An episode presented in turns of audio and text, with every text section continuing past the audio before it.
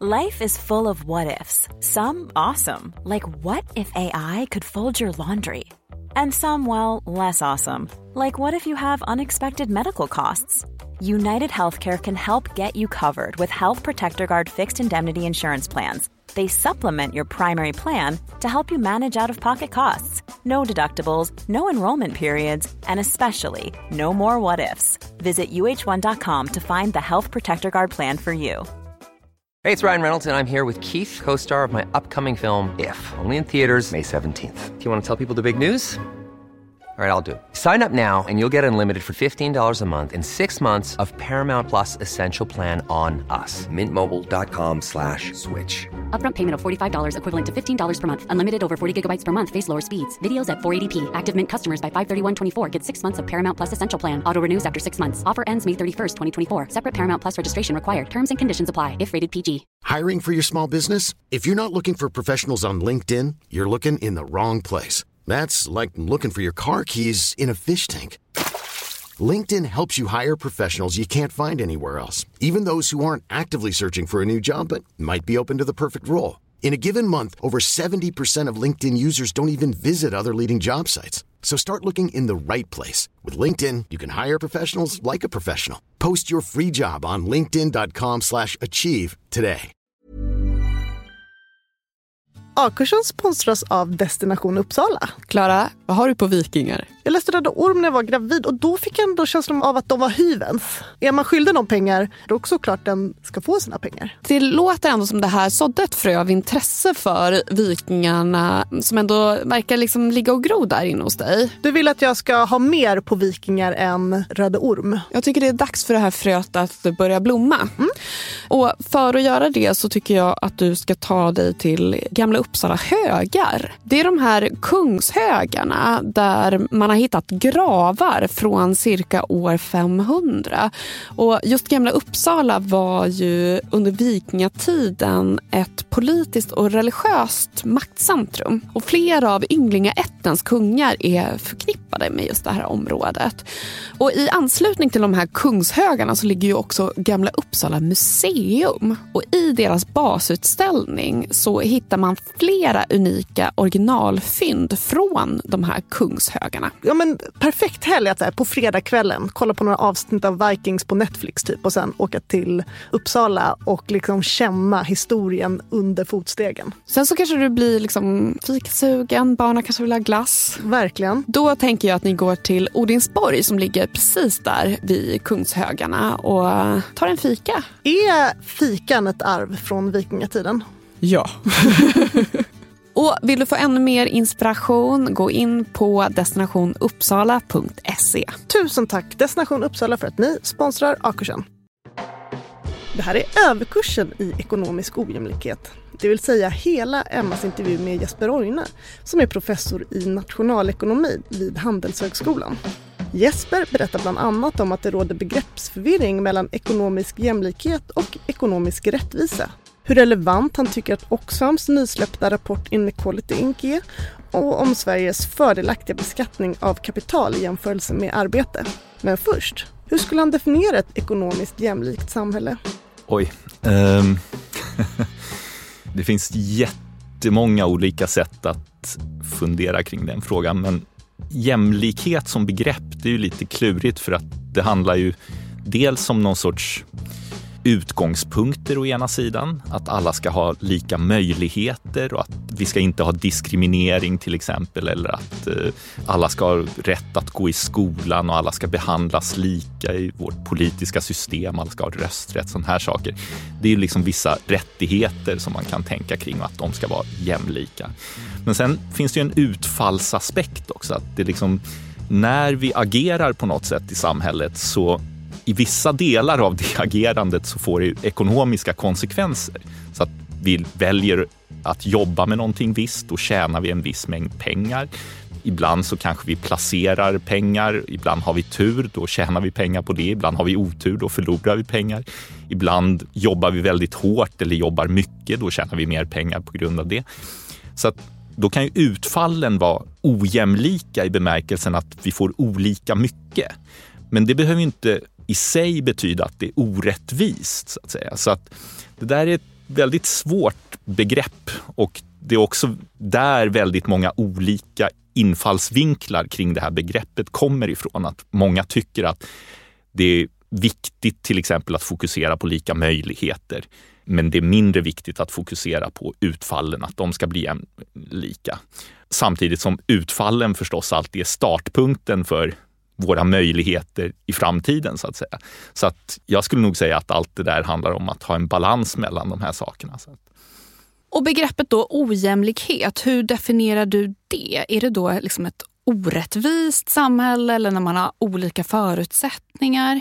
Nej, jag försöker ju då hålla mig till att tänka på det som en dimension bara i termer av hur ser det ut? Liksom en beskrivning av verkligheten utan att fokusera så mycket på de här rättvisefrågorna. Det är inte för att de är oviktiga, utan det är mer för att jag tycker att så många av rättvisefrågorna som människor pratar om blir förvirrade därför att man inte förstår exakt hur den här utfallsbiten ens funkar eller hur det faktiskt ser ut och vad det beror på och så vidare. Så att min utgångspunkt har varit att försöka beskriva ekonomiska resurser, hur de är fördelade i samhället. Är det på något sätt att mäta klyftorna? Ja, det kan man säga. Så att om vi tänker på det där utifrån det mest grundläggande begreppet vi har för att mäta liksom, ekonomisk aktivitet.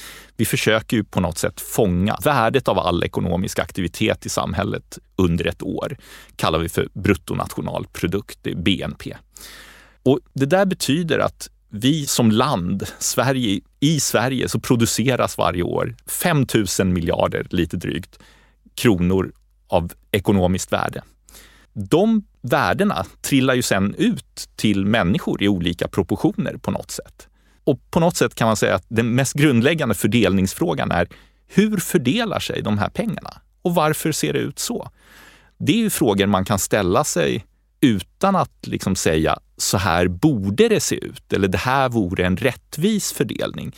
Det kan vi diskutera massor om och det är väldigt intressanta diskussioner. Men det vore bra om de diskussionerna utgick ifrån hur det faktiskt ser ut och varför det ser ut på ett visst sätt och så vidare. Så att på något sätt är min ambitionsnivå mycket lägre än att ha någon sorts idé om hur samhället borde se ut. Det är mer att försöka beskriva, så här ser det ut, låt oss diskutera utifrån det. Och ni som forskar på de här frågorna utifrån mm. det här ekonomiska perspektivet, är ni överens om hur man ska definiera det här och mäta det? Nej. okay, ja.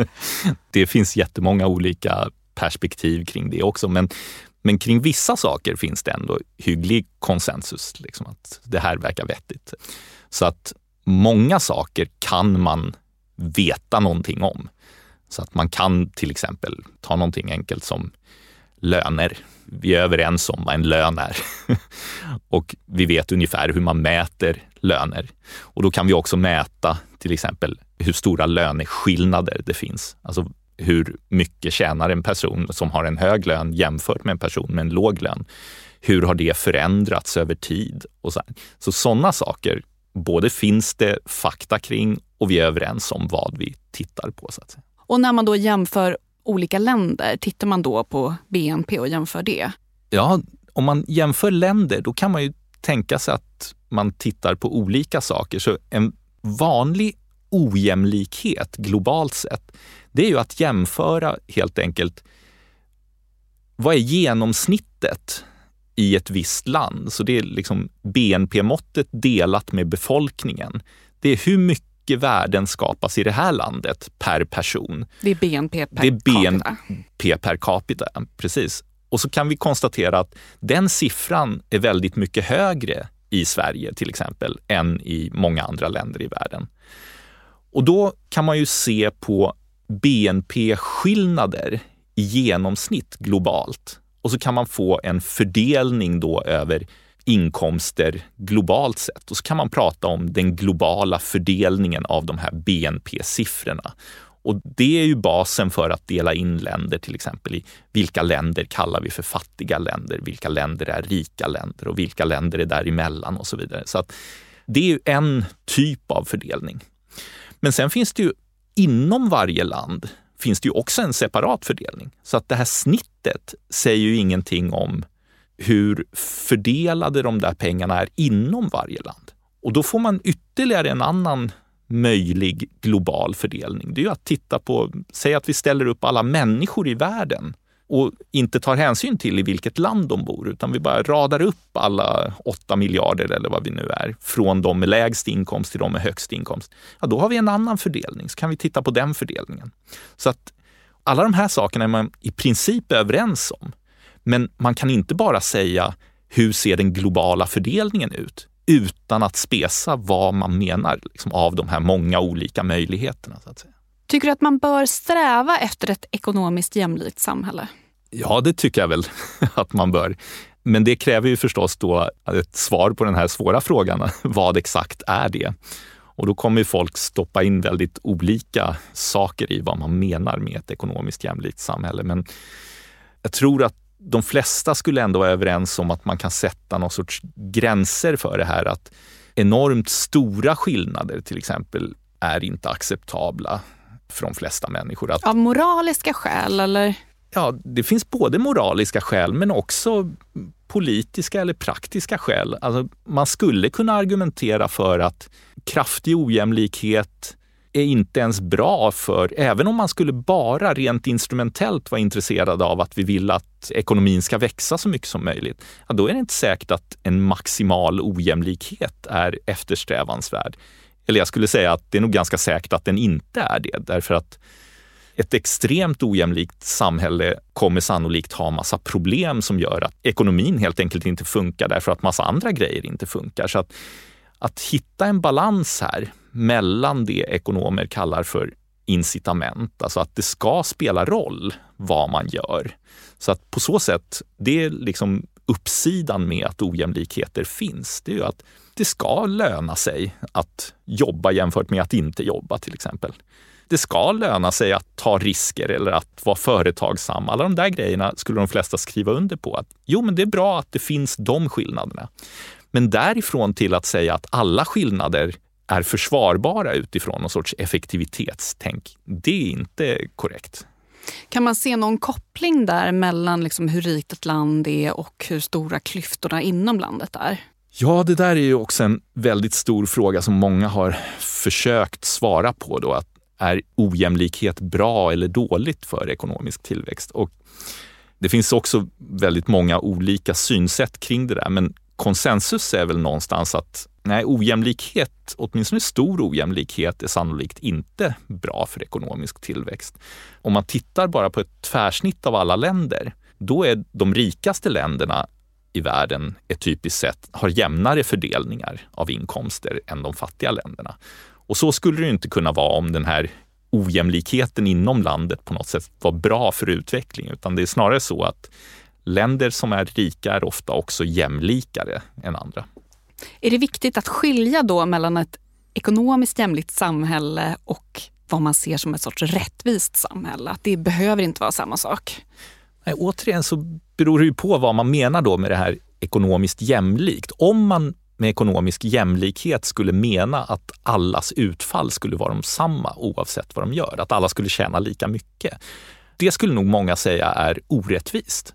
Det är också om man frågar människor till exempel vad de tycker om. Det kan man ju göra och det har man gjort också. Man frågar människor, tycker du att så här mycket ojämlikheter, det är rättvist eller inte? Då svarar människor nästan alltid villkorat i bemärkelsen att de säger att jo, men så där mycket ojämlikhet, det är okej, okay, förutsatt att den har uppstått på ett rättvist sätt.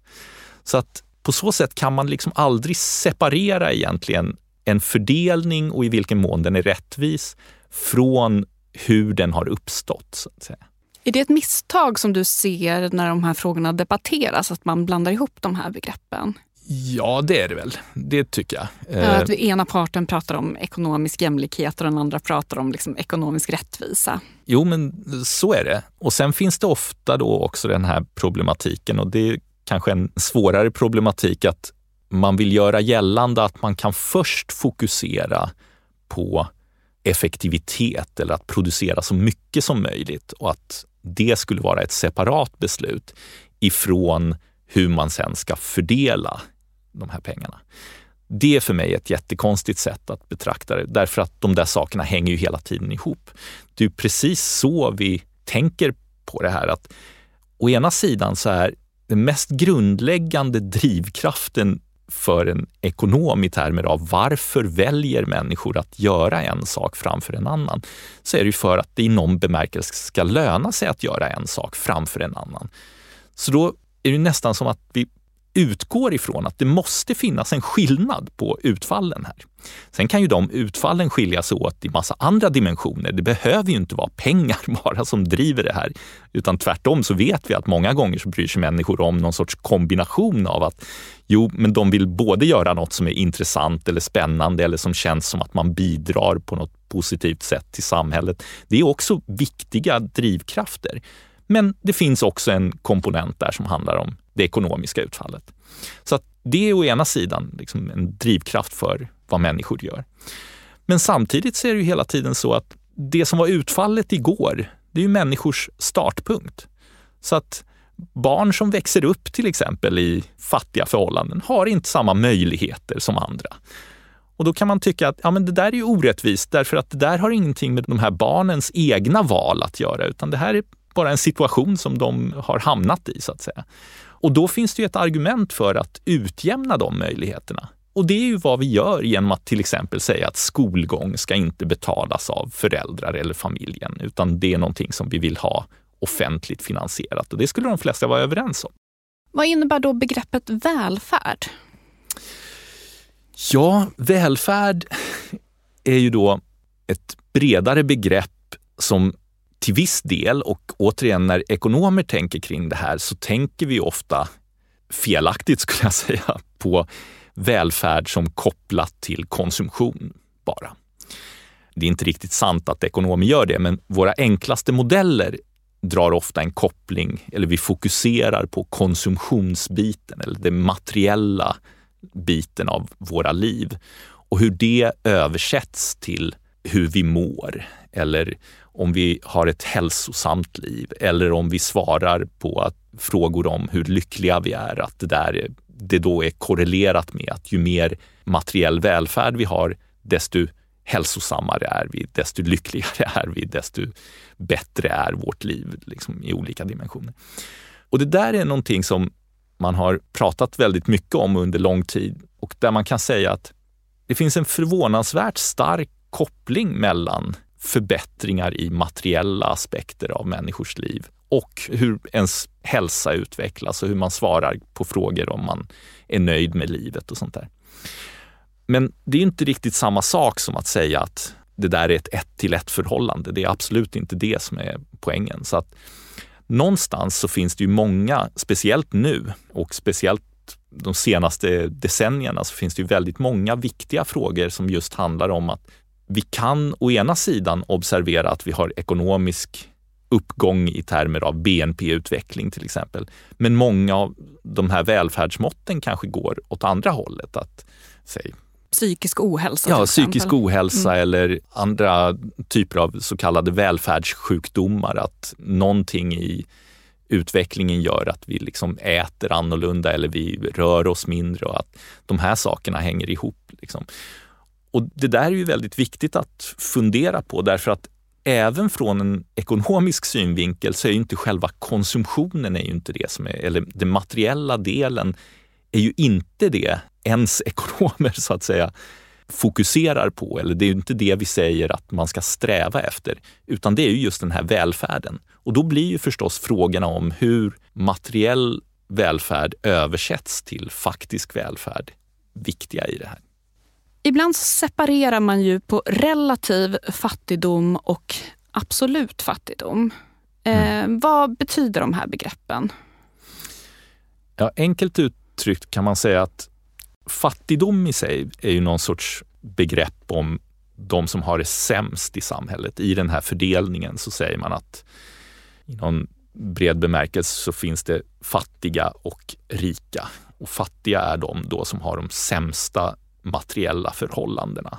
Använder du det begreppet? Ja, det händer ja. nog att jag mm. gör. Men jag är också väldigt noga med då att poängtera att det finns olika fattigdomsbegrepp. Mm. Och då är ju just den här diskussionen om absolut och relativ, det är två olika fattigdomsbegrepp som är viktiga att hålla isär. Och det ena, absolut fattigdom, går i princip ut på att man sätter upp en gräns, en absolut nivå. Säg att det är en pengagräns eller det är en uppsättning av saker som man ska ha tillgång till materiellt för att inte klassas som fattig. Och då är det ju per definition så att du kan i princip ha ett helt samhälle där alla kommer över en sån nivå. Så om man tar till exempel de här eh, globala hållbarhetsmålen. Där är ju mål ett, det är no poverty, ingen fattigdom globalt. Och det målet i sin enklaste form, det är ju satt som en absolut gräns där man vill att ingen i världen ska ha en levnadsnivå som ligger under två dollar om dagen ungefär. Där ligger den gränsen idag. Och det är också ett av områdena där utvecklingen har verkligen gått framåt. Väldigt många människor har kommit över den nivån. Och då säger man att fattigdom går ner globalt sett i just den bemärkelsen. Att många personer kommer över någon sorts absolut miniminivå och då blir färre personer absolut fattiga. På samma sätt skulle man kunna definiera en sån nivå i Sverige och vi gör det också i våra socialförsäkringssystem och så där, så har vi en gräns för att de här sakerna, och så listar man en uppsättning grejer som människor ska ha tillgång till för att inte vara fattiga. Och då är det samma sak där, att det här är en nivå som alla i princip kan komma över. Och det är ett fattigdomsbegrepp. Ett annat fattigdomsbegrepp, det är att säga att att vara fattig, det är inte bara en absolut nivå, utan det finns en social dimension i det här. Man lever i ett samhälle där andra människor i samhället kan göra massa saker. Och då kan vi prata om fattigdom i relation till det samhälle vi lever i. Och då kan det ju vara så att vi kan definitivt komma över två dollar per dag-gränsen så att vi är inte hungriga. Men det kan fortfarande vara relevant att prata om fattigdom i bemärkelsen att jag har så lite resurser att jag kan inte vara med i det de flesta i min omgivning gör. Jag kan inte gå på bio eller jag kan inte eh, följa med på klassresa, följa med på klassresa mm. eller jag kan inte köpa nya kläder. Eller jag kan inte... Och det där är ju inte liksom fattigdom i bemärkelsen att jag nödvändigtvis kalorimässigt svälter. Men det är fortfarande en alldeles uppenbar fattigdom i relation till vad många människor runt omkring mig uppfattar som ett bra liv eller att kunna delta i samhället.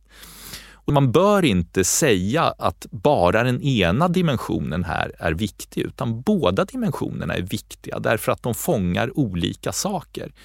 Och båda dimensionerna är beroende på vilken fråga man ställer sig relevanta för en samhällsdiskussion om fattigdom. Jag tycker det är helt bisarrt att påstå att nu är alla över en viss nivå. Då kan vi bara dra ett streck över hela den här frågan. Då spelar det ingen roll. Det kan fortfarande vara så att den här relativa fattigdomen, den spelar roll för människor och hur de uppfattar sin situation i, i samhället. För så tycker jag ju att jag uppfattar i liksom den offentliga debatten. Att alla är överens om att den absoluta fattigdomen den ska bekämpas men mm. inte nödvändigtvis den relativa. Nej, och då kommer man ju in på mer hur stor ska den där relativa fattigdomen vara eller var ska man dra de här gränserna och så. Och det är förstås en svår diskussion och människor kommer att ha olika uppfattningar. Men jag tycker det är helt uppenbart att den dimensionen kan vara relevant. Att det kan uppstå situationer där människor, även om de materiellt sett har det tillräckligt bra för att till exempel inte svälta, så kan de fortfarande definieras som fattiga i bemärkelsen att de inte kan delta fullt ut i samhällslivet. Liksom. Och då är det en sak att diskutera och då behöver man båda de här begreppen. Det är väl egentligen det viktigaste, att det finns ingen anledning att på något sätt göra den här frågan endimensionell. Man kan ju vända på det och säga också att man kan inte heller ha bara en relativ diskussion. Därför att det skulle ju också vara bisarrt, därför att då kan man bekämpa relativ fattigdom genom att alla har det jättedåligt. Om alla skulle ha mindre än två dollar om dagen, ja då har vi ingen relativ fattigdom. Men det är fortfarande rätt uppenbart att vi har fortfarande fattigdom därför att alla skulle leva under den absoluta gränsen. Så att det är inte liksom ett antingen eller, eller det här begreppet är bättre än det andra, utan det är bara att de helt enkelt fångar olika dimensioner och båda behövs. Tycker du att staten bör aktivt fördela resurser från resursstarka individer till resurssvaga? Ja, det mm. tycker jag. I vilken utsträckning? Det kanske ja. är det som är... Precis, ja. det är ju den svårare frågan. Ja. Allt vi vet, det är ju liksom inte bara en normativ åsikt, utan allt vi vet om hur samhällen verkar fungera säger mig att samhällen med en stat som fördelar, och då pratar vi inte bara om fördelar i någon sorts direkt transfereringsbemärkelse, utan system där man helt enkelt betalar skatt och man betalar skatt i proportion till på något sätt antingen linjärt eller progressivt liksom utifrån vad man tjänar till gemensamma saker, till offentliga varor som vi kallar det för och till en viss del av transfereringar till de som har det sämre ställt. Det är samhällen som fungerar bättre. Sen kan vi diskutera var exakt ska den där gränsen dras? Och det är ju liksom den viktiga politiska diskussionen. Hur ska vi liksom balansera det här? Därför att det är alldeles uppenbart att det finns naturligtvis så kallade incitamentseffekter av att vi kan inte liksom ta ut hur mycket skatt som helst därför att då påverkar ju det folks vilja att utbilda sig, arbeta, att driva företag, alla de här sakerna. Men det är samtidigt inte så att det uppenbart hela tiden ska sänkas, de här gränserna, att saker skulle bli bättre. Utan det handlar om att hitta en balans här. Vilka problem kan då uppstå om de ekonomiska resurserna i världen är koncentrerade på ett fåtal ultrarika personer? Kan det till och med vara någonting som underminerar demokratin för att de får för mycket makt? Ja, absolut. Och det är ett av de forskningsmässigt mest spännande områdena för tillfället att fundera kring vilka effekter kan det finnas här om klyftorna blir för stora? Om vi bortser ifrån bara den här effekten som inte alls bortses ifrån för att den är oviktig utan mer för att även om vi inte tar ställning till vad som vore en rättvis fördelning eller hur mänsklig välfärd bör fördelas, här, utan vi bara ser till vad kommer sannolikt hända om klyftorna blir väldigt, väldigt stora då kan man tänka sig å ena sidan att människor som har väldigt lite resurser kommer ju protestera eller kommer på olika sätt säga att det här är ju helt bisarrt. Det här systemet som tydligen då gynnar någon, det skapar det som man kallar för ekonomisk tillväxt. Men jag ser inte det här. Mitt liv har inte blivit ett dugg bättre. Om det är upplevelsen för väldigt många människor, ja, då kommer ju det leda till någon sorts krav på förändring. Revolution eller? Det kan vara revolution eller att man röstar på politiska partier som säger sig ha någon enkel lösning på det här. Eller det finns tydliga exempel på till exempel att eh, i USA har man studerat där till exempel att personer som tycker att de har förlorat på globalisering för att konkurrensen ifrån, i det fallet Kina, ökar. Har man identifierat väldigt tydligt platser där företag läggs ner därför att just deras bransch tas över av något företag som globalt sett då är bättre på att göra någonting. De röstar i högre utsträckning på republikaner, i det fallet på Donald Trump 2016 för att vara explicit. Därför att han lovar att han ska ha tullar för att då ska han skydda liksom, den amerikanska industrin. Det där skulle alla ekonomer i princip säga att det där är en dålig idé därför att det finns positiva saker med globalisering.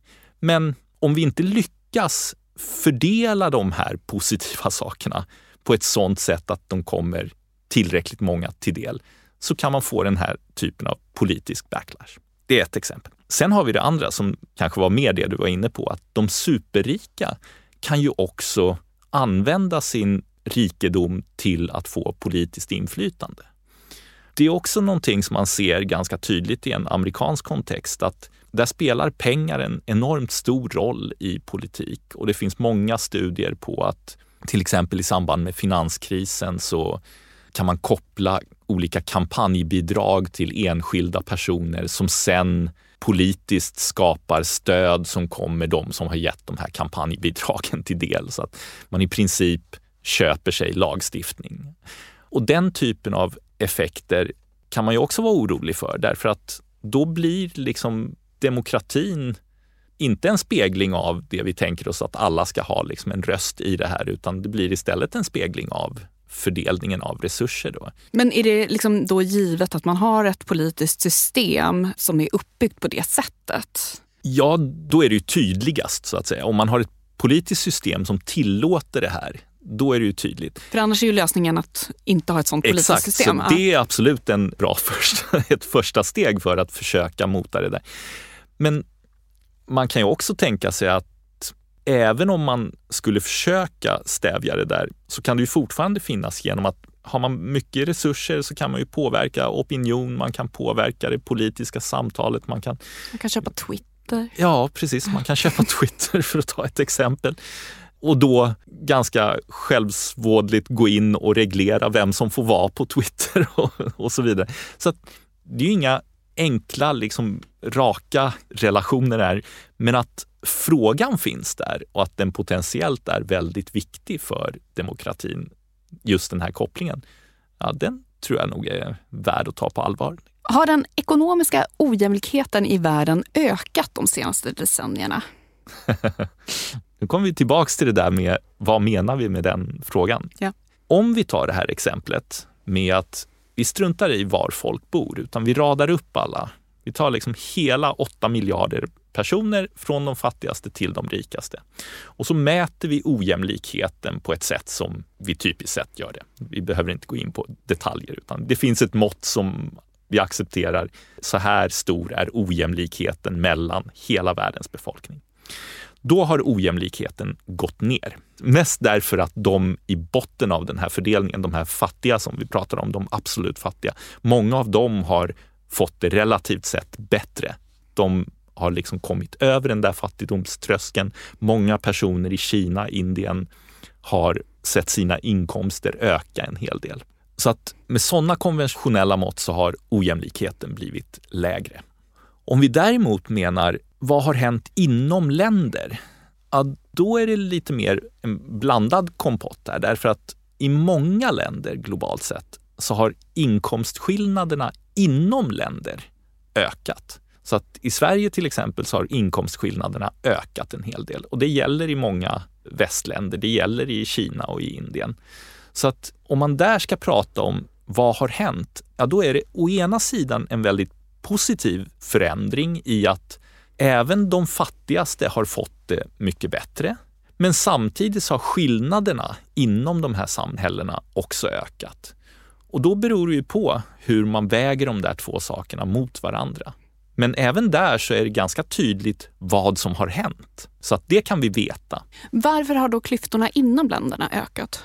Ja, det är ännu en stor fråga ja. som många då diskuterar. Vad är det som har hänt? Och det finns jättemånga olika teorier kring det här och de teorierna skiljer sig åt också mellan länder. Så att I västvärlden så är en av de populäraste teorierna som det finns många studier på, många i sig då olika mekanismer, men som egentligen kokar ner till samma typ av skifte över liksom decennier.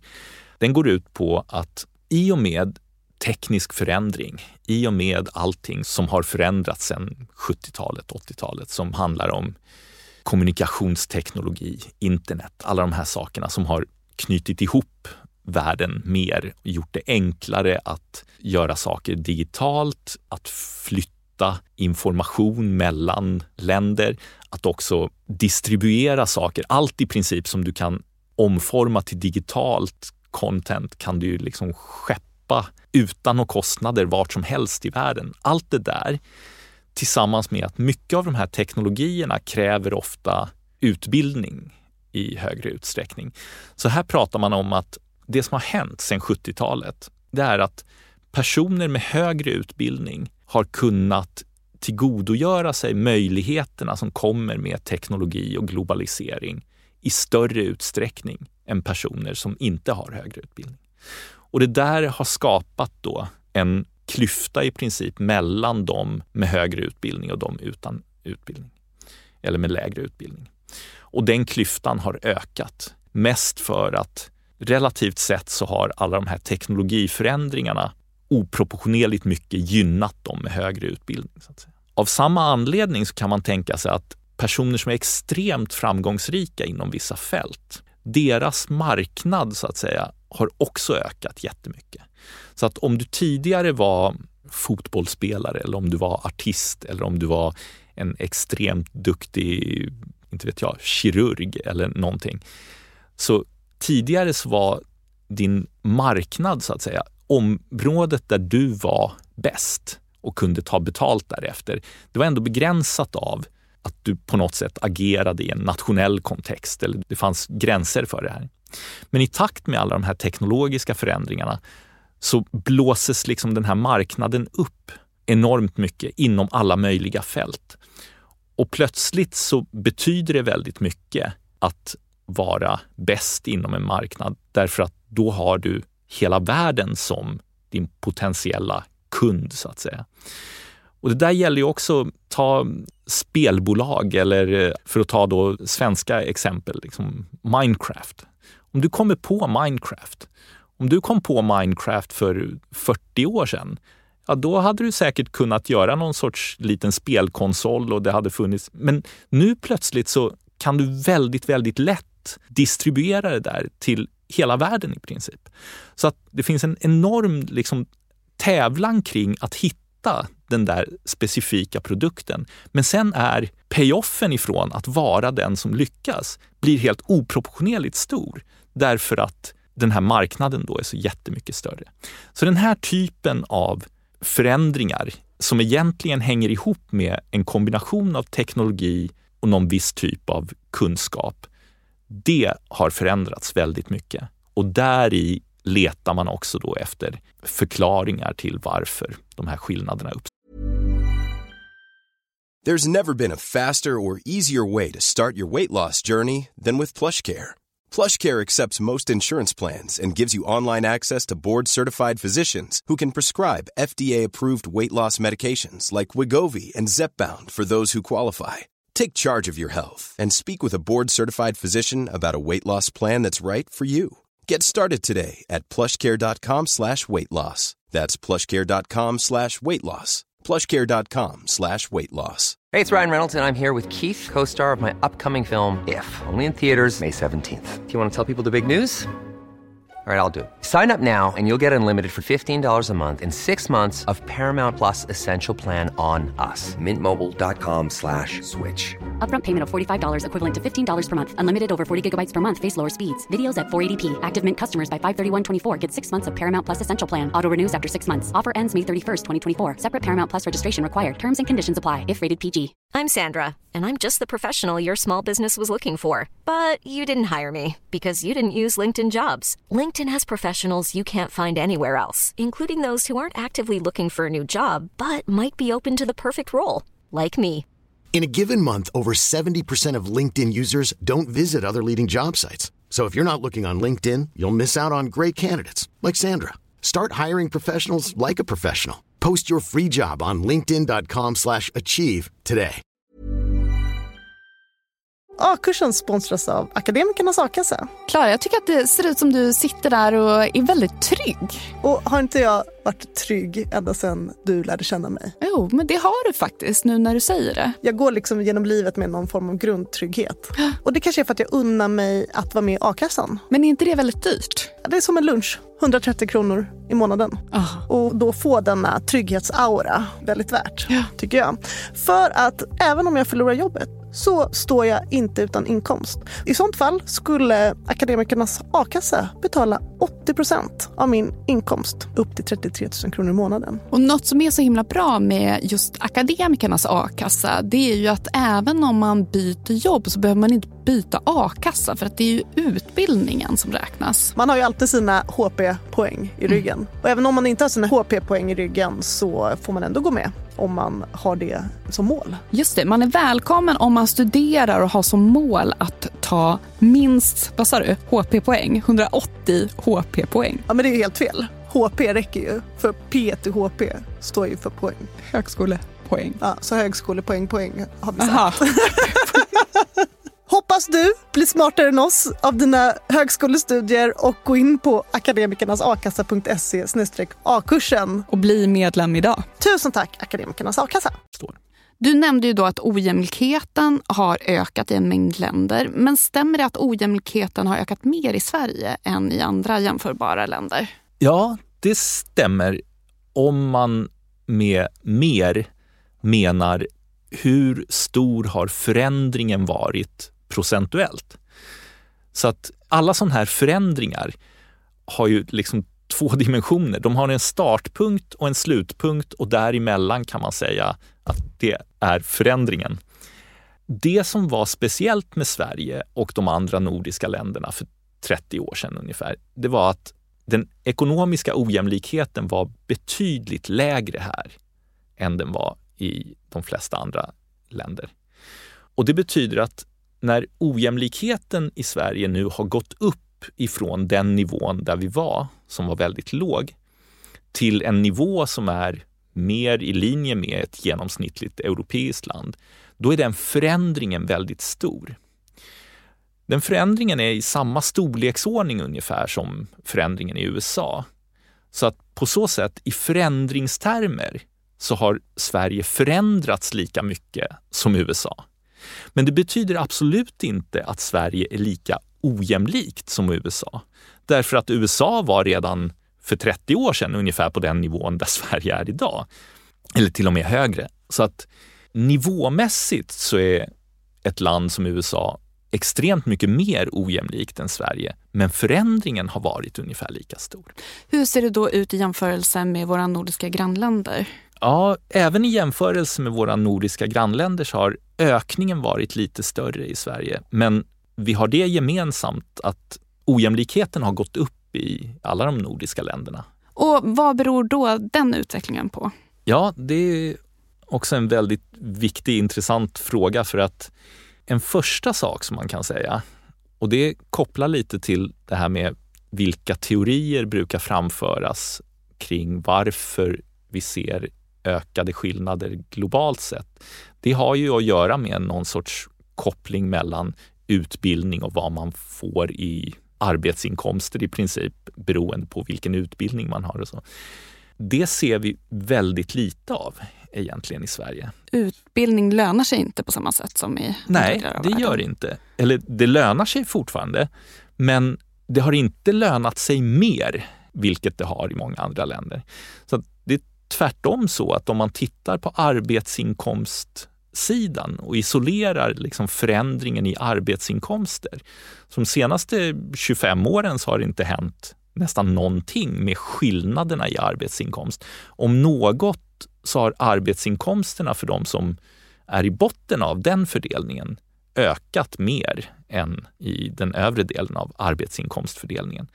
Så det kommer inte ifrån arbetsinkomstsidan. För det tycker jag annars att man hör ibland att idag så tjänar en VD lika mycket som jättemånga arbetare. Ja, och det kan stämma om man isolerar väldigt små grupper av arbetsmarknaden, till exempel vd-löner. Då. De skillnaderna har nog ökat mer. Men ser man till hela arbetsmarknaden och även om man skulle isolera det här till en väldigt liten grupp, säg ta den översta procentenheten, de med de 1 procent högsta löneinkomsterna. Hur har de utvecklats jämfört med andra? Ja, då har de inte utvecklats starkare än löner i allmänhet. Så att löneinkomstökningarna har varit extremt jämnt fördelade i Sverige de senaste 20 åren i alla fall. Det fanns en fas på 90-talet, eller slutet 80-talet, 90-talet, när de här skillnaderna ökade en del. Men senaste 20-25 åren så har det inte hänt någonting på den fronten i Sverige. Utan den stora delen kommer ifrån kapitalinkomster. Så det är kapitalinkomstsidan som ligger bakom de här stora skillnaderna. Och är det för att kapitalet har växt så pass mycket under den här tidsperioden eller har det också att göra med liksom hur man beskattar inkomster kontra kapital? Ja, det är lite både och. För att dels så finns det ju en dimension som har att göra med hur värdet på allt kapital som finns, hur det har utvecklats jämfört med inkomstflödet, jämfört med BNP. Och då har kapitalstocken som helhet ökat mer i värde. Den har vuxit snabbare än BNP-utvecklingen. Så att relationen mellan alla tillgångar och BNP har ökat på ett sådant sätt att tillgångarna har vuxit mer. Tillgångarna i relation till BNP har ökat. Och det betyder ju att då kan man, om man äger någonting som ökar i värde, så kan du ju om du köper det en dag och så ökar det i värde och så säljer du det, så gör man någonting som heter en reavinst eller en realisationsvinst. Och mycket av de här ökningarna som vi ser i data kommer ifrån den här typen av reavinster. Så att för att ta exempel som många kan relatera till så handlar ju det här om att en del till exempel i Stockholm har sett sina bostäder gå upp väldigt mycket i värde och att många gånger så har liksom det man tjänar på sin bostad har varit större än det man tjänar i sin lön så att säga. Att det är lättare att tjäna pengar på bostaden än på lönen. På motsvarande sätt så har även aktievärden till exempel gått upp mer under en lång period. Samtidigt som det har varit relativt billigt att låna då så att personer har ofta lånat mycket. Och så länge räntor och annat var låga så funkade ju det där fint. Men nu befinner vi oss i en fas när räntorna då har gått upp och då blir den här balansen mycket skörare. Till nackdel förstås för de som nu då har stora lån och kanske inte den här samma utveckling. Så att det finns många dimensioner här som också har att göra lite med en generationsklyfta så att säga. Är man ung idag så är det ju inte alls säkert att man har samma möjligheter framför sig som vi nu i efterhand kan konstatera att personer som gick in i bostadsmarknad och annat eller började sina karriärer för 20 år sedan, deras resa har ju sett annorlunda ut. Så det där resulterar i en annan dimension av ojämlikhet som har med generation och ålder att göra. Men ofta får man ju höra att Sverige har väldigt hög skatt på lön och låg skatt på kapital. Stämmer mm. det? Ja, det gör det. Och varför har man bestämt att ha det systemet? ja du, från början så gjordes det ju i början på 90-talet en skattereform. Man ändrade systemet från grunden så att säga.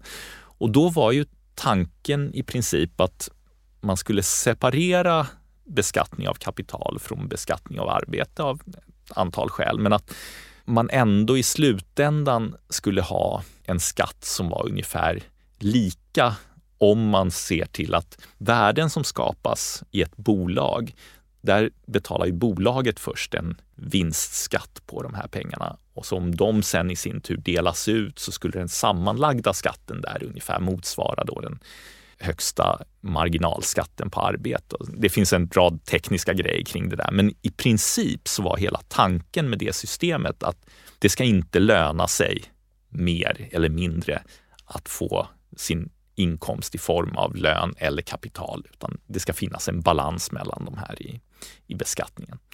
Men sen har en rad saker hänt över tid där man i olika faser då har tyckt att man behöver höja skatten på arbete. Det introducerades under en period en värnskatt på arbete och man har liksom på olika sätt så har arbete beskattats lite hårdare än det var beskattat från början, speciellt höga löner då samtidigt som man har ändrat en rad saker inom kapitalbeskattning och gjort skatt på kapital lägre.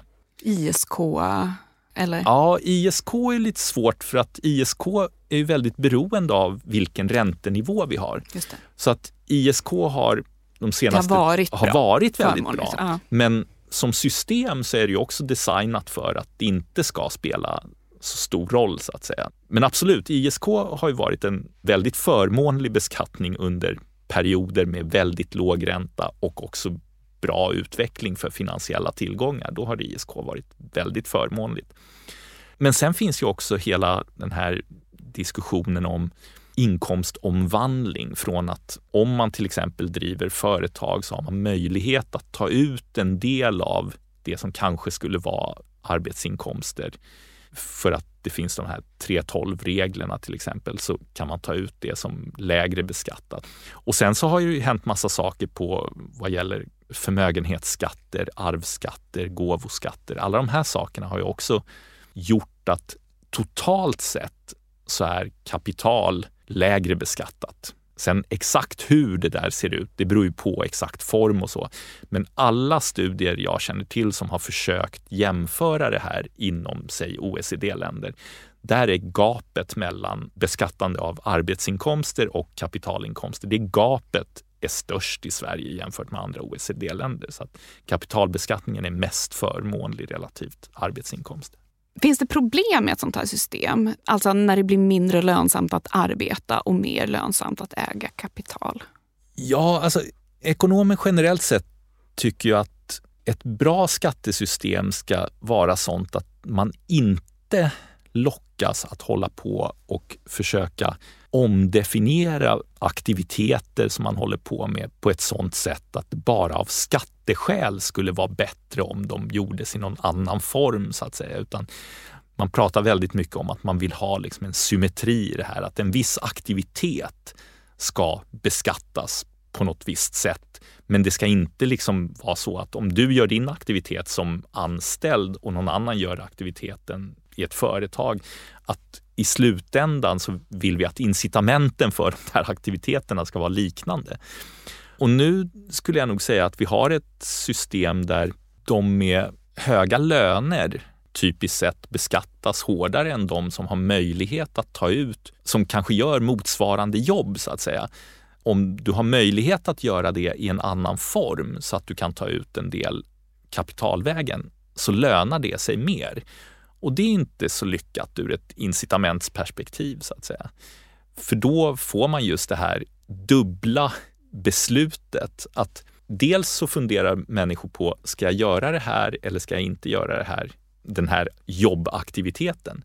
Men den andra frågan är, ska jag göra det i form av att ta en anställning eller ska jag göra det i form av att starta ett eget företag för att då kunna ta ut pengar? Det är inte alltid jättelyckat därför att det finns massa områden där vi kanske vill uppmuntra folk att bli ingenjörer eller läkare eller någonting där de är anställda och har höga löner. Men om det hela tiden systematiskt är så att nej, de där branscherna, de är inte attraktiva därför att då betalar jag en jättehög skatt som jag inte betalar om jag blir någonting annat där jag kan lättare starta eget eller få ut mer i kapitalinkomster. Det är potentiellt ett problem. För på något sätt så, man har ju pratat mycket om den här arbetslinjen, man vill att folk ska arbeta och göra rätt för sig. Kan det också bli ett problem att unga människor de ser de här bitcoin-miljardärerna och att det kan ibland, tycker jag i alla fall, kännas ganska omöjligt i Sverige att bli rik genom arbete? Ja. Och att man därför hela tiden försöker hitta liksom snabba lösningar eller liksom genom att kanske ta höga risker i olika typer av investeringar. Jo, men så kan det absolut vara. Och där är ju också den här grundproblematiken på något sätt. Det är ju att om man verkligen går tillbaka till någon sorts grundidé om vad är problemet här med beskattningen i sig? Ja, det är ju just det här att ja, men det skapar en incitamentsproblematik i att någonting du ska göra genererar en viss mängd värden här och så kommer en del av det till dig, men en del går i skatt. Då vill vi ju att du ska satsa på någonting som är bra för samhället och bra för dig själv. Om det hela tiden blir så att många saker som vi ser som samhällsnyttiga eller bra grejer att satsa på, men att de systematiskt inte lönar sig jämfört med andra aktiviteter och att det är där de stora pengarna kommer, ja, då skapar ju det en skevhet i hur incitamenten ser ut till förmån för de här andra aktiviteterna.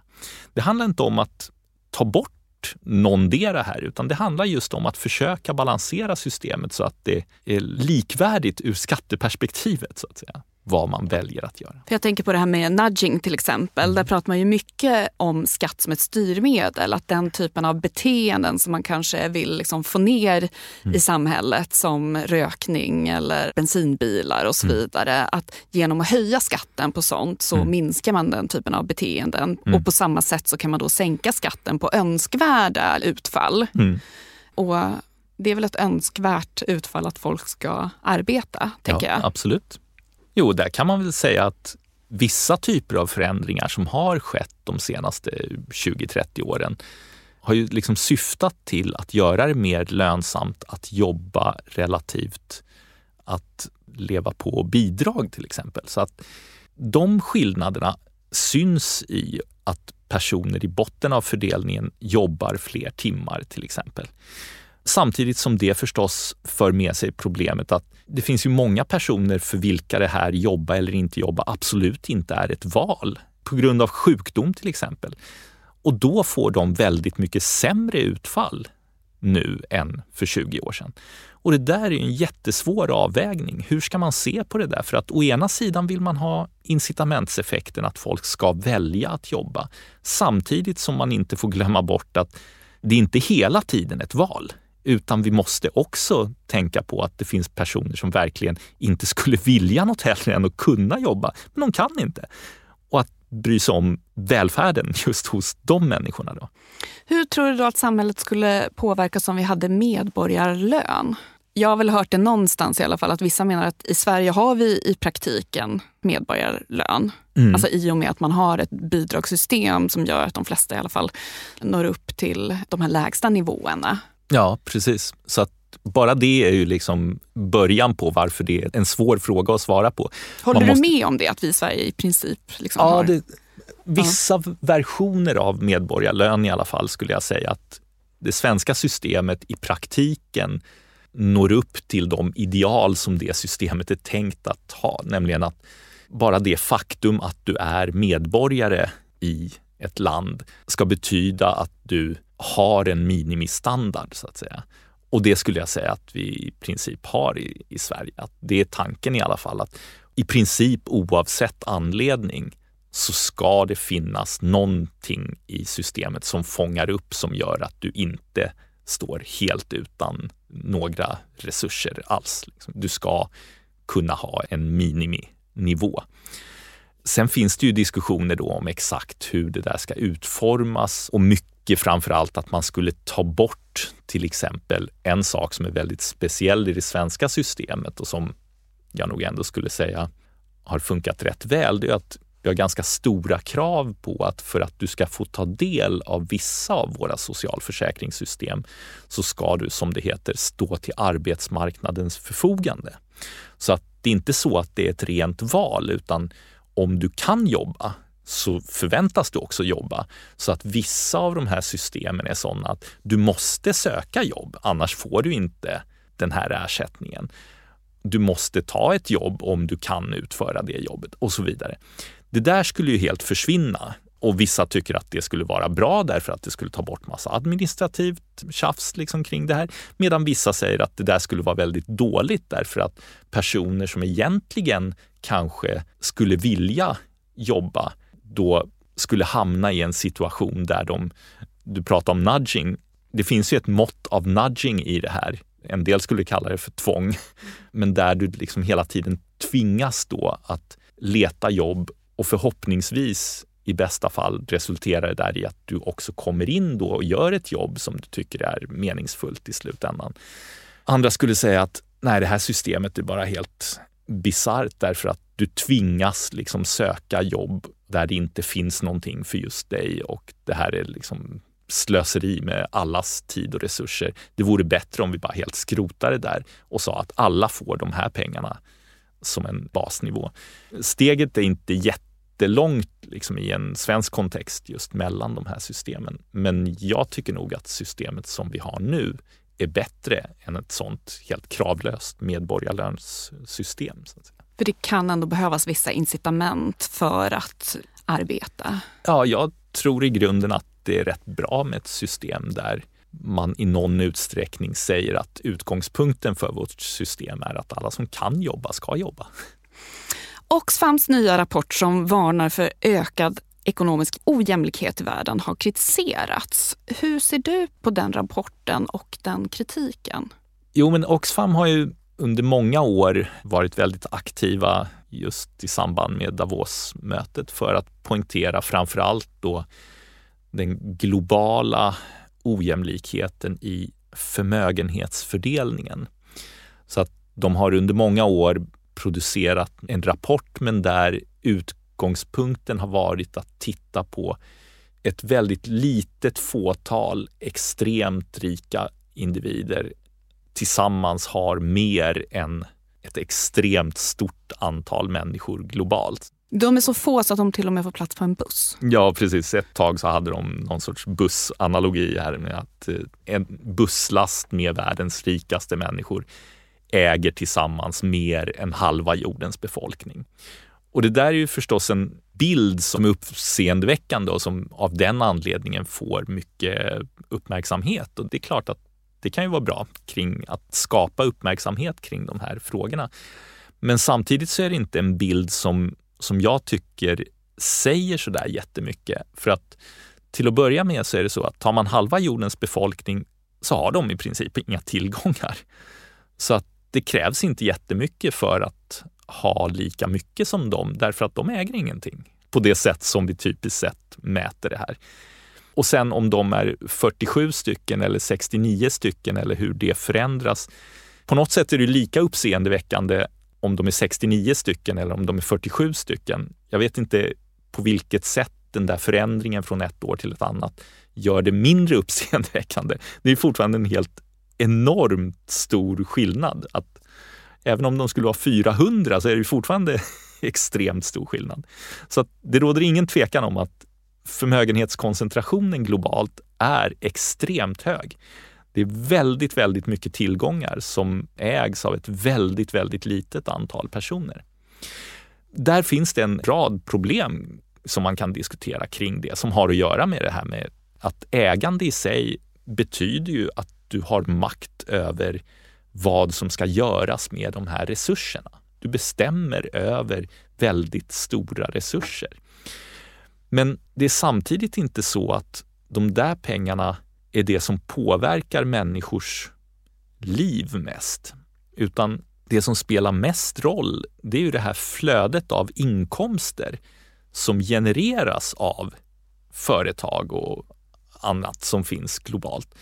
Så att förmögenheten globalt eller i ett land, det är ju liksom värdet på alla grejer som finns här och nu. Om vi skulle samla ihop allt som är värt någonting och så samlar vi det på hög och säger hur mycket är det här värt och vem äger olika delar av det här? Då får vi en siffra. Om vi däremot säger hur mycket inkomster produceras och genereras hela tiden, det som är liksom flödet av pengar hela tiden, det som är våra löner och inkomster och det vi köper mat för och sådär. Det är ju ett flöde av pengar som återskapas hela tiden i ekonomin. Så det är ju egentligen det där flödet av pengar från år till år, det är ju mycket viktigare för människors liv egentligen.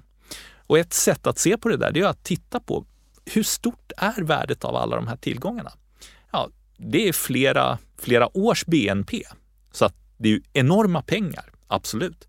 Men samtidigt så är rätt fråga inte liksom egentligen hur ska vi dela ut de där pengarna i termer av mat? För att om vi skulle översätta dem där till mat, ja då skulle alla kunna äta jättebra, men allt skulle vara slut på fem, sex, sju år ungefär. Så att det viktiga är ju egentligen, är det här systemet riggat på ett sådant sätt att det här flödet av värden hela tiden finns?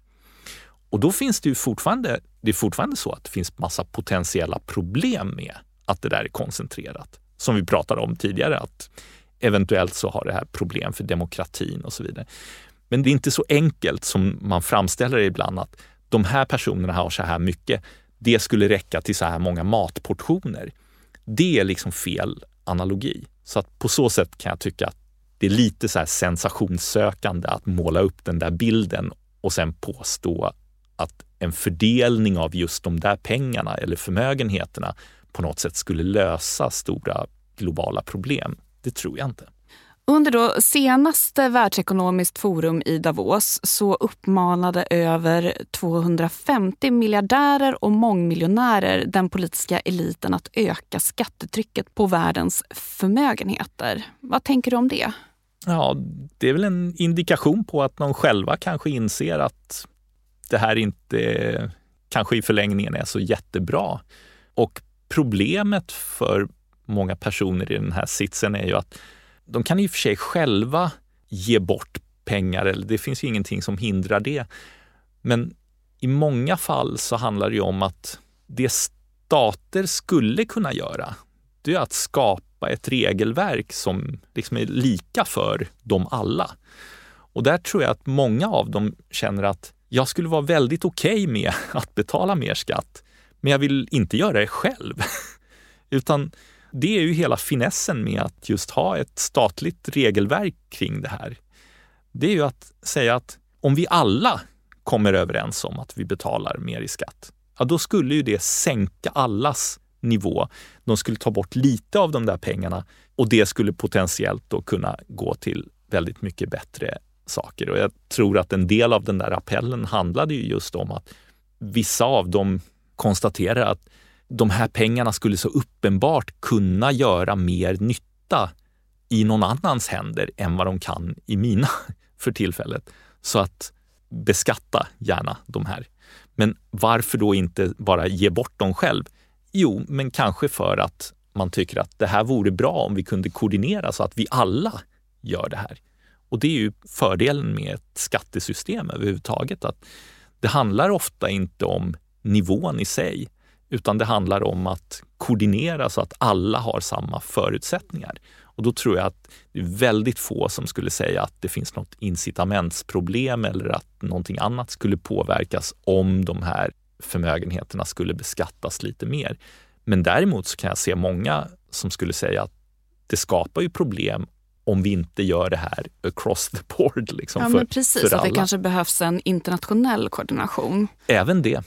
Jag tror inte att en, en, vi har liksom inga globala institutioner på det sättet så att vi skulle kunna skapa någon global skatt. Men däremot så skulle man kunna samarbeta bättre än vad man gör idag kring skatter globalt sett. Så att man skulle undvika just det här med att ha skatteparadis på olika sätt. Hur tror du att den ekonomiska ojämlikheten kommer se ut i framtiden och vilka faktorer tror du kommer vara avgörande för i vilken riktning den här utvecklingen går? Alla sådana här, förstås, naturligt så blir ju alla spekulationer om framtiden blir ju just spekulationer. Men man kan ju åtminstone konstatera att om, och det är ett stort om, de flesta ekonomer tror ju inte att automatisering kommer liksom ersätta arbetskraft i någon stor skala. Det kommer däremot skapa övergångsproblem där vissa typer av jobb kanske försvinner. Eller inte kanske, de kommer alldeles säkert försvinna. Och personer som har haft de jobben kommer då ha stora problem med vad ska de göra härnäst? Kommer de i sin tur kunna hitta någonting nytt? Speciellt om du har haft ett jobb som har krävt någon viss utbildning och sen plötsligt så upphör det att finnas och så finns det inte något jobb för just din utbildningsprofil så att säga. Jag vill inte liksom förminska och jag tror inte att man politiskt heller ska förminska den där transitionsproblematiken. Men ser man bakåt i tiden så har arbetsmarknader och teknologi ganska dramatiskt förändrat just vilka jobb som finns utan egentligen att mängden jobb totalt sett har förändrats eller att jobb har försvunnit. Trots att väldigt många uppgifter som tidigare fanns, de finns inte längre därför att vi har automatiserat bort dem. Så det, om man ser på i långa tidsperspektiv så mängden människor som arbetade med jordbruk till exempel, den är ju enormt liten idag just för att så stora delar av jordbruk är mekaniserat. Vad har det lett till? Ja, inte att alla som jobbade i jordbruk nu inte har något jobb, utan de jobbar med någonting annat. Och det där skulle väl de flesta ekonomer säga att vi har inte riktigt någon bra teori för varför det inte skulle vara så. Det skulle möjligen vara då om det verkligen blir så att maskiner gör precis allt som människor gör, fast bättre än människor gör det.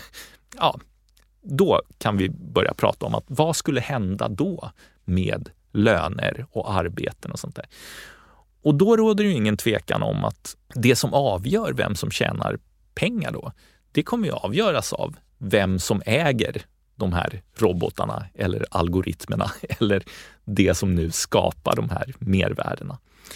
Och då blir ju det en fråga om hur beskattar man de aktiviteterna eller det ägandet? Eller hur ska man tänka kring ägandet av det där i första läget eller beskattning av kapital relativt arbete och så vidare. Så att där finns det ju väldigt, väldigt många frågor. Men det finns ingenting som talar för att de här liksom ökade klyftorna kommer liksom bli ännu större?